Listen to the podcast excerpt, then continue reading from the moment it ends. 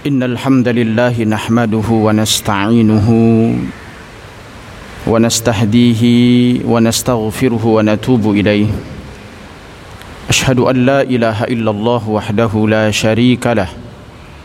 وأشهد أن محمدا عبده ورسوله لا نبي بعده. اللهم صل وسلم وبارك على هذا النبي الكريم محمد بن عبد الله وعلى آله وصحبه وبارك وسلم أجمعين والتابعين وتابعي التابعين ومن اتبعهم بإحسان إلى يوم الدين. وقد قال الله تعالى في كتابه الكريم وهو أصدق القائلين أعوذ بالله السميع العليم من الشيطان الرجيم يا أيها الذين آمنوا اتقوا الله حق تقاته ولا تموتن إلا وأنتم مسلمون. أما بعد فأوصيكم وإياي نفسي بتقوى الله وطاعته لعلكم ترحمون Pertama dan utama mari kita panjatkan puji dan syukur kehadirat Allah Jalla wa'ala atas segala limpahan karunia dan rahmatnya kepada kita semua. Salawat teriring salam semoga tercurahkan selalu kepada junjungan kita kekasih Allah Subhanahu wa taala panutan orang-orang yang beriman yaitu Rasulullah Muhammad sallallahu alaihi wasallam. Semoga keselamatan juga tercurahkan kepada seluruh para sahabat, para pengikut-pengikutnya sehingga kita umatnya juga termasuk di dalamnya hingga kita pun berhak yaumul qiyamah mendapatkan syafaatul uzma. Pada kesempatan yang berbahagia ini khatib berpesan kepada khatib sendiri dan umumnya kepada semua jamaah yang hadir di masjid ini untuk senantiasa menjaga ketakwaan kita meningkatkan kualitas iman kita, memperbanyak amal-amal saleh kita. Hanya dengan itulah sesungguhnya kita akan mulia dan hanya itu pula lah akan menjadi jalan menuju keselamatan dunia dan juga keselamatan akhirat. Kebahagiaan dunia dan juga kebahagiaan akhirat. Ma'asyiral muslimin, rahimani wa rahimakumullah, muslimin yang berbahagia. Menyadari bahwa kita adalah makhluk Allah Subhanahu wa taala. Menyadari bahwa kita adalah ciptaan Allah Subhanahu wa taala yang semestinya memiliki ketundukan dan kepatuhan terhadap penciptanya. Karena sesungguhnya kita lemah di hadapan kekuasaannya. Kita pun tidak berdaya di hadapan kebesaran dan keagungannya manusia yang diciptakan oleh Allah Subhanahu wa taala memiliki banyak kekurangan, memiliki banyak kealfaan dan memiliki banyak kelemahan. Kita tidak mampu mencegah apa pun yang datang kepada diri kita, baik itu mudarat maupun manfaat. Kita tidak bisa mengatur diri kita, kehidupan kita Bahkan kita pun tidak bisa menjamin masa depan kita. Karena sesungguhnya semua apa yang disampaikan oleh khotib adalah berada dalam wilayah kekuasaan Allah Subhanahu wa taala. Sehingga perlindungan dan penjagaan Allah itu sangat kita butuhkan dalam kehidupan ini. Terlebih saat fitnah terjadi, musibah kemudian seiring dengan waktu terus kita hadapi bersama. Maka pantas bagi Nabi Shallallahu Alaihi Wasallam pun berdoa kepada Allah dan diikuti oleh para sahabat-sahabatnya. Kalimat yang populer di dalam Al-Quran saat manusia meminta kepada Allah Subhanahu wa taala hatta ketika ia meminta agar hatinya pun dijaga dan dilindungi oleh Allah Subhanahu wa taala maka Nabi pun berdoa kepada Allah, "Ya muqallibal qulub, tsabbit qalbi ala dinik." Wahai Allah, Tuhan yang membolak-balikkan hati. Sabit qalbi, tetapkan, kukuhkan, teguhkan hatiku ala dinik terhadap agama. Karena yang paling ditakuti oleh Nabi sallallahu alaihi wasallam adalah fitnah, fitnah agama. Wala taj'al musibatana fi dinina Salah satu di antara untayan doa Nabi adalah jangan engkau jadikan fitnah terhadap agama kami. Maka penjagaan Allah terhadap agama, terhadap iman adalah bagian terpenting yang hendaknya kita minta kepada Allah Subhanahu wa taala. Dalam Al-Qur'an surah Al-Imran Al-pun Allah Subhanahu wa taala kemukakan, "Rabbana la tuzigh qulubana ba'da idh hadaitana wa hab lana min ladunka rahmah innaka antal wahhab." Ya Allah ya Tuhan kami jangan Engkau gonjang-ganjingkan hati kami. Setelah engkau berikan hidayah kepada kami. Ila akhiril ayah. Karena itu ma'asyiral muslimin rahimani wa rahimakumullah sebuah pertanyaan berikutnya adalah jika kita menginginkan penjagaan dan perlindungan Allah Subhanahu wa taala maka apa yang patut kita lakukan dalam kehidupan ini jawabannya ternyata ada di dalam sebuah hadis Nabi sallallahu alaihi wasallam saat Abdullah bin Abbas radhiyallahu anhuma pernah mendengarkan Nabi sallallahu alaihi wasallam menyampaikan untayan-untayan indah sebagai bentuk nasihat dan mau'izah kepadanya. Dan saat itu Abdullah bin Abbas berada khalfan Nabi sallallahu alaihi wasallam berada di belakang Nabi. Hadis ini cukup panjang tapi satu untayan yang khatib ingin sampaikan yaitu kalimat saat Nabi Shallallahu Alaihi Wasallam mengajarkan beberapa kalimat maka beliau mengucapkan yang pertama ihfadillaha yahfadka jagalah Allah maka sungguh Allah akan menjagamu komitmen terhadap ketaatan kepada Allah dengan segala dengan menjalankan segala perintah-perintahnya serta menjauhi segala larangan-larangan Allah menjaga hak-hak Allah untuk tidak kita hancurkan bagian dari bentuk cara agar kita berhak mendapatkan penjagaan Allah Subhanahu wa taala. Namun ketika kita mau jujur menghitung setiap dari usaha yang kita lakukan itu, maka sesungguhnya penjagaan Allah itu jauh lebih besar dibandingkan pengorbanan yang dilakukan oleh seorang hamba itu. Karena itu ma'asyarul muslimin rahimani wa rahimakumullah komitmen ketaatan kepada Allah dengan cara menjaga hak-hak Allah Subhanahu wa taala menjadi prioritas pertama untuk kita lakukan agar kita termasuk manusia yang berhak mendapatkan penjagaan Allah Subhanahu wa taala. Lalu apa sesungguhnya hak-hak Allah itu? Di dalam sebuah hadis Nabi sallallahu alaihi wasallam Rasulullah sallallahu alaihi wasallam pernah menyatakan ketika Nabi berpesan kepada Muaz Rasulullah sallallahu alaihi wasallam mengatakan ya Muaz wahai Muaz atadri ma haqqullah ala ibad tahukah engkau apa hak Allah terhadap hambanya qala lalu kemudian Muaz bin Jabal pun mengatakan qala Allah wa rasuluhu a'lam. Allah dan rasulnya yang mengetahui.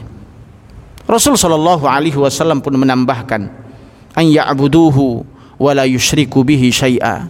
Engkau menyembah Allah dan tidak menyekutukan Allah Subhanahu wa taala adalah haknya Allah terhadap hambanya dari hambanya. Lalu sebaliknya, apa hak manusia kepada Allah Subhanahu wa taala atau hak manusia dari Allah Subhanahu wa taala? Maka Rasulullah mengatakan, "Allah yu'adzibuhum." Allah tidak akan mengazabnya. Ma'asyiral muslimin rahimani wa rahimakumullah.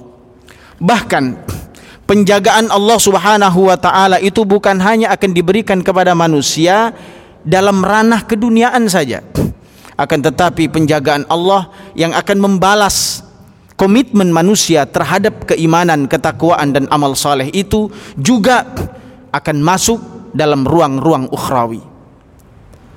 Maka penjagaan Allah Subhanahu wa taala yang luar biasa sebagai bentuk balasan kepada hamba-hambanya yang taat kepada Allah itu dijelaskan oleh Allah di dalam surah Ar-Ra'd ayat 11 yang mana ayat itu menengahkan menegaskan kepada kita semua bahwa Allah akan mengutus para malaikat-malaikatnya yang bergantian baik di hadapan manusia maupun di belakang manusia akan senantiasa menjaga dan melindungi manusia dengan perintah Allah Subhanahu wa taala. Tidak ada ruang-ruang yang kosong dari penjagaan Allah. Tidak ada celah-celah yang kosong dari perlindungan Allah kepada hambanya yang jika Allah menginginkan itu. Allah Subhanahu wa taala berfirman, "Lahu mu'aqibatun min baini yadayhi wa min khalfihi yahfazunahu min amrillah Sesungguhnya Allah Subhanahu wa taala akan mengutus para malaikat-malaikatnya untuk silih berganti menjaga manusia, melindungi manusia baik dari arah depan maupun dari arah belakang.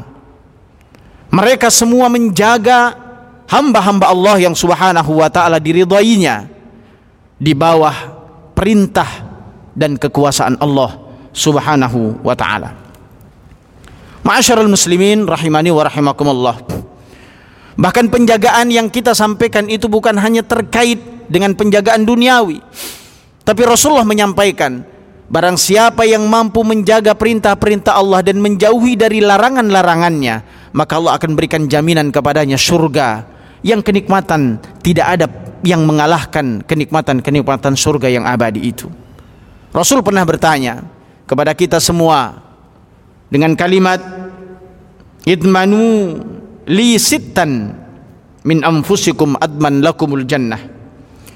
Berikan jaminan kepada diriku kata Rasul sallallahu alaihi wasallam.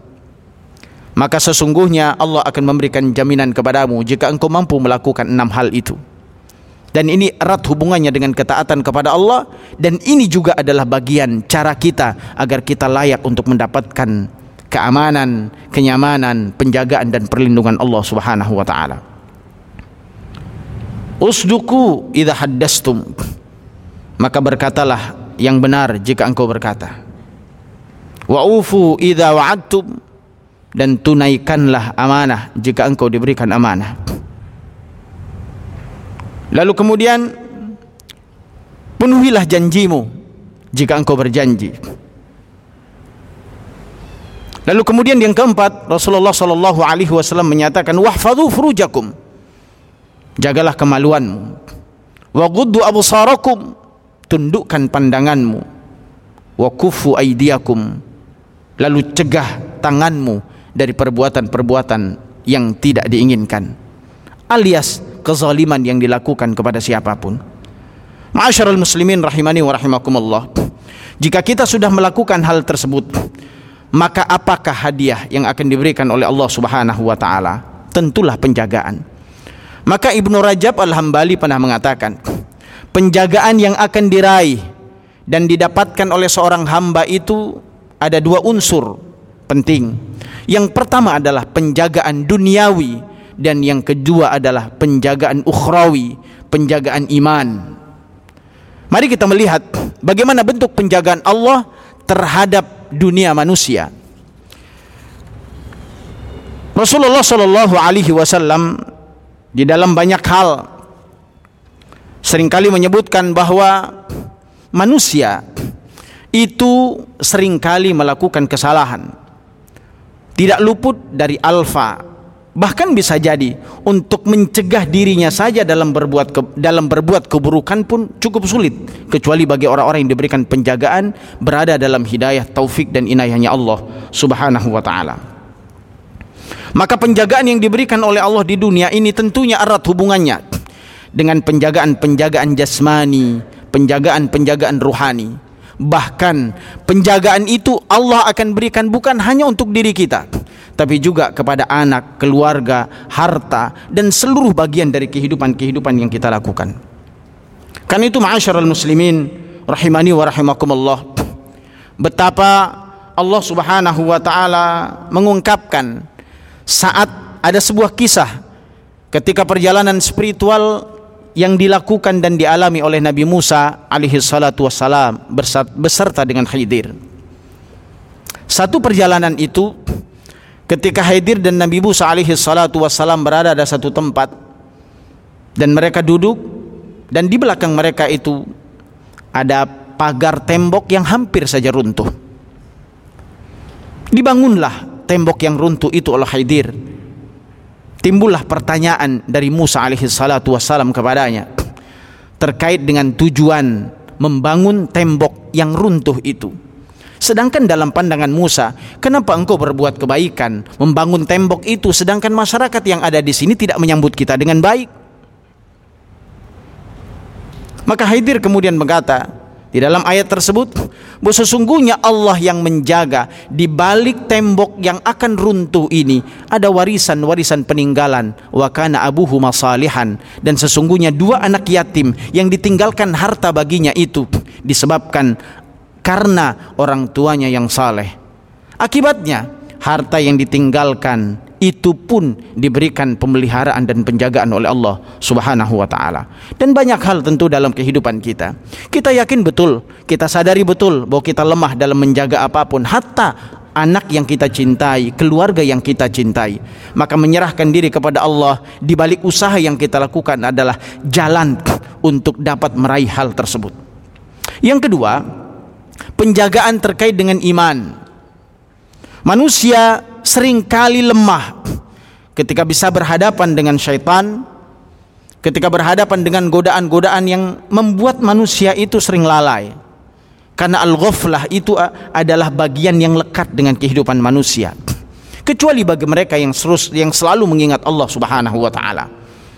Bukankah setan itu ada dalam diri setiap manusia yang terus mengajak keburukan wasyaitanu yatakhannas setan itu bersembunyi dalam diri kita saat manusia berzikir, maka setan itu akan bersembunyi dan tidak bisa untuk bergerak dan melakukan aktivitasnya secara leluasa.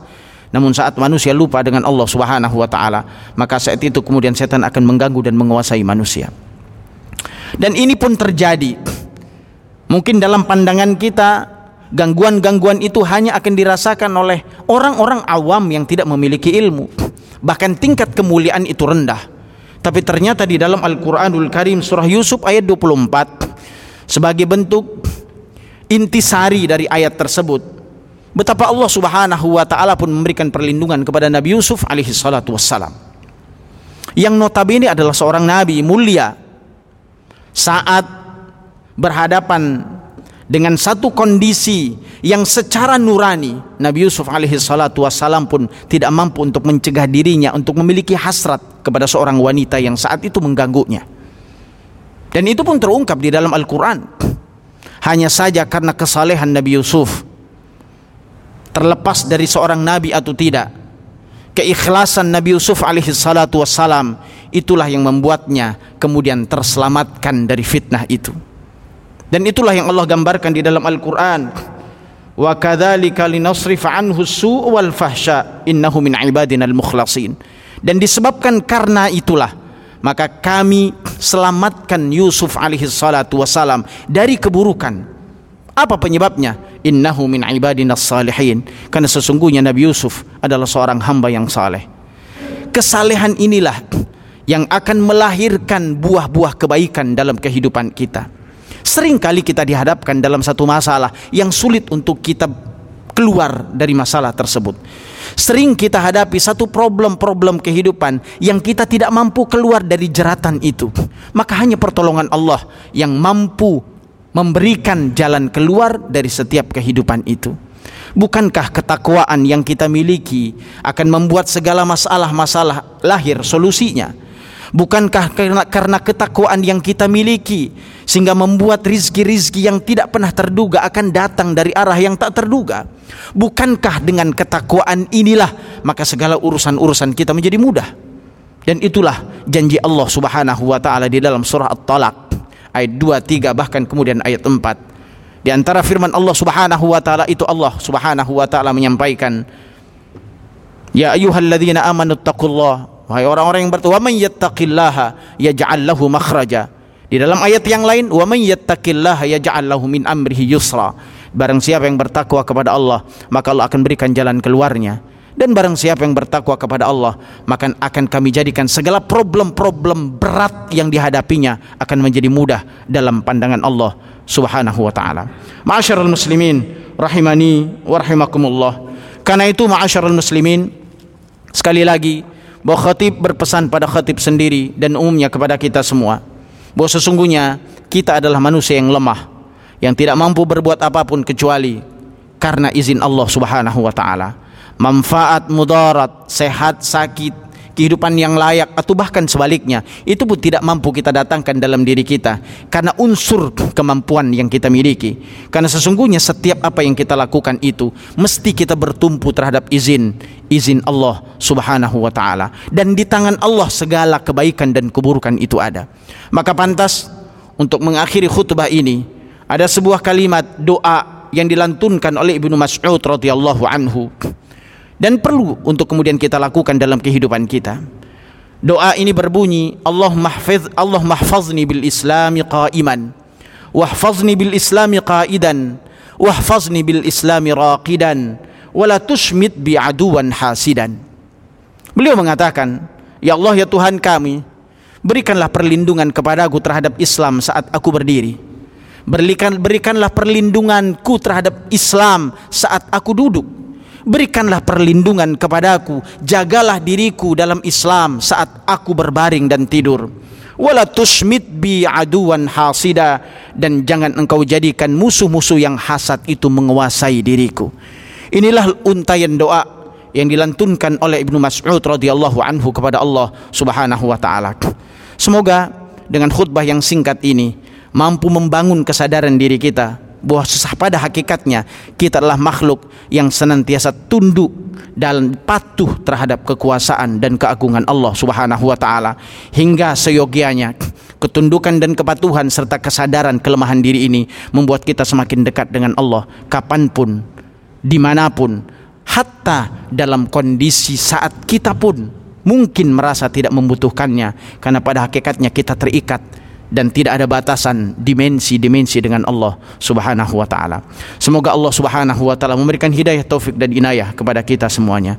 Aqulu qauli hadza wa astaghfirullah al-azim li wa lakum wa li sairil muslimin wal muslimat wal mu'minin wal mu'minat fastaghfiruh innahu huwal ghafurur rahim.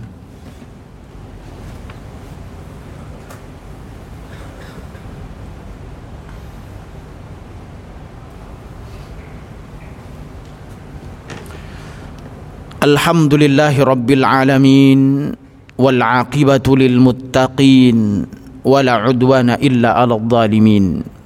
أشهد أن لا إله إلا الله الملك الحق المبين وأشهد أن محمدا عبده ورسوله صادق الوعد الأمين. وعلى آله وأصحابه وذريته أجمعين والتابعين وتابع التابعين. ومن اتبعهم بإحسان إلى يوم الدين وبعد. فأوصيكم وإياي نفسي بتقوى الله وطاعته لعلكم ترحمون.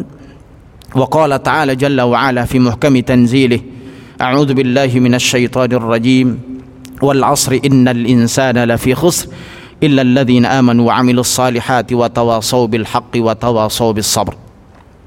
وقال تعالى آمرا مخبرا عالما في كتابه إن الله وملائكته يصلون على النبي. يا أيها الذين آمنوا صلوا عليه وسلموا تسليما. اللهم صل على محمد وعلى آل محمد. وسلم ورضي الله تعالى عن كل صحابة رسول الله أجمعين والحمد لله رب العالمين. اللهم اغفر للمؤمنين والمؤمنات والمسلمين والمسلمات الأحياء منهم والأموات برحمتك يا أرحم الراحمين. اللهم اغفر لنا ذنوبنا ولإخواننا الذين سبقونا بالإيمان. فلا تجعل في قلوبنا غلا للذين آمنوا. ربنا إنك رؤوف رحيم. اللهم إنا نسألك العفو والعافية والمعافاة الدائمة في الدين والدنيا والآخرة. اللهم إنا نسألك إيمانا يباشر قلوبنا ويقينا صادقا حتى نعلم أنه لن يصيبنا إلا ما كتبته لنا ورضنا بما قسمتنا. أنت ولينا في الدين والدنيا والآخرة. أنت ولينا في الدين والدنيا والآخرة. أنت ولينا في الدين والدنيا والآخرة. ربنا اغفر لنا ذنوبنا ولوالدينا وارحمهم كما ربونا صغارا. ربنا آتنا في الدنيا حسنة وفي الآخرة حسنة وقنا عذاب النار. عباد الله إن الله يأمر بالعدل والإحسان وإيتاء ذي القربى وينهى عن الفحشاء والمنكر والبغي يعظكم لعلكم تذكرون فاذكروا الله العظيم يذكركم واشكروه على نعمه يزدكم ولذكر الله أكبر والله يعلم ما تصنعون. الصلاة